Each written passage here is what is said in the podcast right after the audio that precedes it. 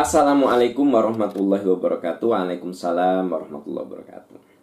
Ustadz, bolehkah zikir dalam hati? Karena kalau mulut tomat kamit, malu dilihat orang. Zikir itu ada tiga. Satu, zikir yang batin dalam hati saja. Zikir yang batin. Hati Anda connecting sama Allah. Subhanallah, alhamdulillah, Allah dalam hati. Itu namanya zikir yang batin. Yang kedua, zikir yang sir. Zikir yang sir itu seperti Anda ba'da sholat.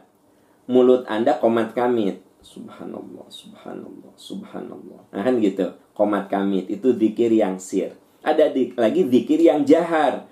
Seperti takbiran di hari raya. Allahu Akbar, Allahu Akbar, Allahu Akbar. La ilah. Nah, itu kan di, diucapkan kita, keluar suaranya. Itu yang disebut dengan zikir yang jahar. Atau kita talbiyah. Labbaik Labbaik la syarika laka labbaik Innal hamda wa ni'mata laka wal mulk La syarika lak. Itu kan diucapkan. Labbaik Allahumma labbaik. Labbaik la syarika laka labbaik. Innal hamda wa ni'mata laka wal mulk. La syarika lak. Itu kan diucapkan. Nah itu namanya jahar. Ya Jadi zikir itu ada tiga. Ada yang batin dalam hati. Ada yang sir ya Sir lisan kita komat kamit ya. Ada juga yang jahar. Itu diucapkan dikatakan. Ya tentu saja anda boleh saja ketika anda duduk menunggu apa menunggu customer hati anda berzikir ya. E, hati ya. Ya nggak apa-apa. Boleh boleh saja kalau zikir yang am, zikir yang umum. Tapi kalau zikir-zikir yang sudah ditentukan seperti ba'da sholat atau dalam sholat. Kan sholat itu Anda membaca bacaan kan? Nah itu zikir sebenarnya. Nah itu tidak boleh batin. Ya, harus sir. Harus sir. Contoh, Allahu Akbar. Nah, mulut Anda komat kamit.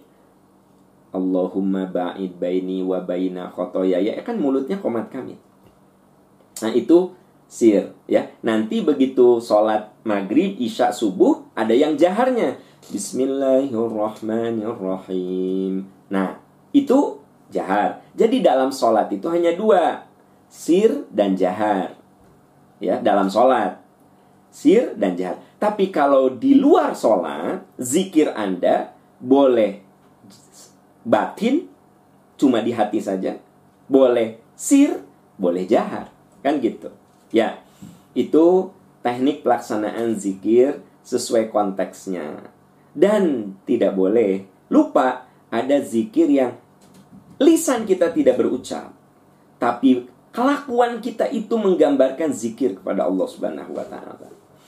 Ketika Anda menolong orang, Anda tuh zikir dengan kelakuan, dengan perbuatan. Ya. Ada orang yang kebingungan, ya. Neng, kalau ke Cicadas itu ke mana? Oh, sini bu. Nah, ibu lihat nih naik angkot yang nomor ini ya bu ya. Nah, ibu, nah ini yang warna biru bu ya. Nah, ibu naik nanti turun di sana. E, bilang aja ya. Anda detil gitu. Nah, Anda tuh sedang berzikir dengan perbuatan. Ibu-ibu, ada nggak di antara Anda sekarang yang lagi e, menyiapkan kes, apa menyiapkan keberangkatan suaminya ke kantor. Ada. Anda sedang berzikir. Ada yang lagi beres-beres, ada yang lagi cuci piring, ada lagi yang cuci pakaian, ada lagi yang nyiapin sarapan. Anda berzikir. Itu zikir dengan perbuatan. Alladzina yadhkuruna Allah qiyama wa qu'uda wa ala junubihim. Surat Ali Imran ayat 191. Orang yang berzikir kepada Allah kiaman sambil berdiri. Wa dan sambil duduk. Wa ala junubihim sambil berbaring. Maksudnya aktivitas dia itu menggambarkan orang yang sedang zikir kepada Allah Subhanahu wa taala. Ketika Anda jadi guru, Anda datang ke sekolah, Anda mengajar, Anda melaksanakan amanah sebagai guru, maka Anda sedang berzikir kepada Allah dengan perilaku, dengan perbuatan. Bapak, ya, eh, jam setengah delapan pergi ke kantor, Anda bekerja penuh amanah, Anda yakin itu merupakan bagian dari jalan hidup Anda untuk menghidupi keluarga, dan Anda berusaha untuk mewujudkan target-target perusahaan, maka Anda sebenarnya sedang berzikir dengan perbuatan. Jadi ternyata yang susah saudara-saudara zikir dengan perbuatan. Nah, itu wilayah-wilayah zikir. Bisa batin, bisa sir, bisa jahar, bisa amali. Amali itu dengan perbuatan. Ya, dan Allah mengatakan fadkuruni adzkurkum washkuruli wala takfurun. Surat Al-Baqarah 153. Fadkuruni ingat kamu kepadaku. Azkurkum pasti aku mengingat kamu. Jadi kalau kita termasuk orang yang selalu mengingat Allah, baik dengan ucapan, dengan perbuatan, dengan hati, ya, maka nanti kalau kita ada perlu apa-apa, Allah akan menolong kita. Itu yang disebut eh, fadkuruni kamu banyak ingat kepadaku. Banyak ingat aturan-aturanku, laksanakan aturan-aturanku, jauhi uh, yang membuat aku murka. Azkurkum, pasti aku akan mengingat kamu selalu. Nah, makanya orang yang banyak berzikir kepada Allah dengan zikir yang komprehensif, maka dia akan mustajab doanya, akan selalu ditolong oleh Allah Subhanahu wa taala. Itu jawaban saya wallahu alam bisawab.